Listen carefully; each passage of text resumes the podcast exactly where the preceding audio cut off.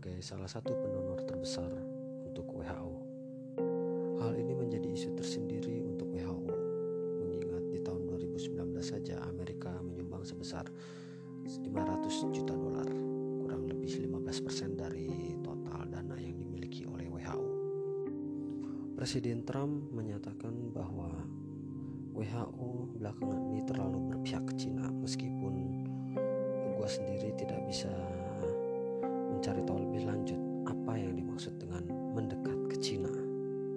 Satu-satunya berita yang bisa ditelusuri dari pernyataan tersebut adalah WHO dan Cina dianggap menyembunyikan data tentang COVID-19 yang sesungguhnya, sehingga menyebabkan pandemi global saat ini. Padahal WHO sendiri saat terjadi penyebaran di Wuhan, mereka sudah meworo-worokan mereka sudah mengantisipasi tentang hadirnya sebuah virus yang cukup berbahaya.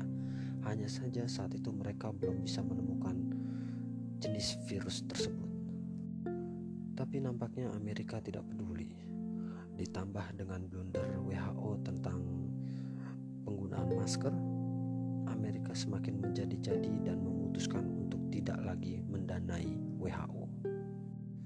Presiden Trump berang karena kenapa WHO harus menutup-nutupi kejadian yang sebenarnya di Cina padahal Cina hanya menyumbang sekitar 45 juta dolar 10 kali lebih kecil dari mereka. Terlepas dari alasan-alasan tersebut sesungguhnya gue melihat ada opini lain di balik tindakan Amerika yang satu ini. Salah satu opsi opini yang mungkin adalah Amerika sedang butuh dana Amerika sedang berhemat Kenapa? Karena kita semua tahu kalau saat ini negara tersebut menjadi salah satu pusat terbesar dari korban COVID-19. Mereka sedang butuh dana besar untuk berperang melawan COVID-19. Dari sisi ini, gue sangat memaklumi apa yang dilakukan Amerika karena sesungguhnya Presiden Trump sedang berusaha melindungi warganya. Tapi bagaimana kalau ada opsi opini seperti ini?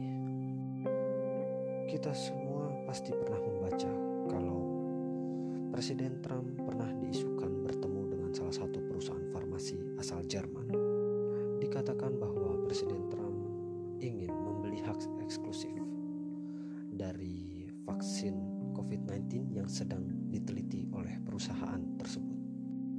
Tentu saja Jerman sudah menampiknya dan begitu juga dari pihak Amerika. Tapi mengingat presiden mereka adalah seorang kapitalis sejati, buat gue ini bukanlah hal yang tidak mungkin. Presiden Trump berusaha mengalihkan dananya untuk membeli hak paten dari vaksin COVID-19. Dia sedang berusaha untuk mengkapitalisasi vaksin tersebut. Bayangkan berapa banyak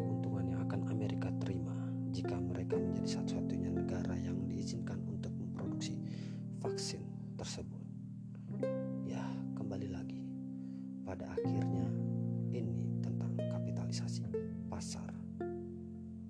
Bisa jadi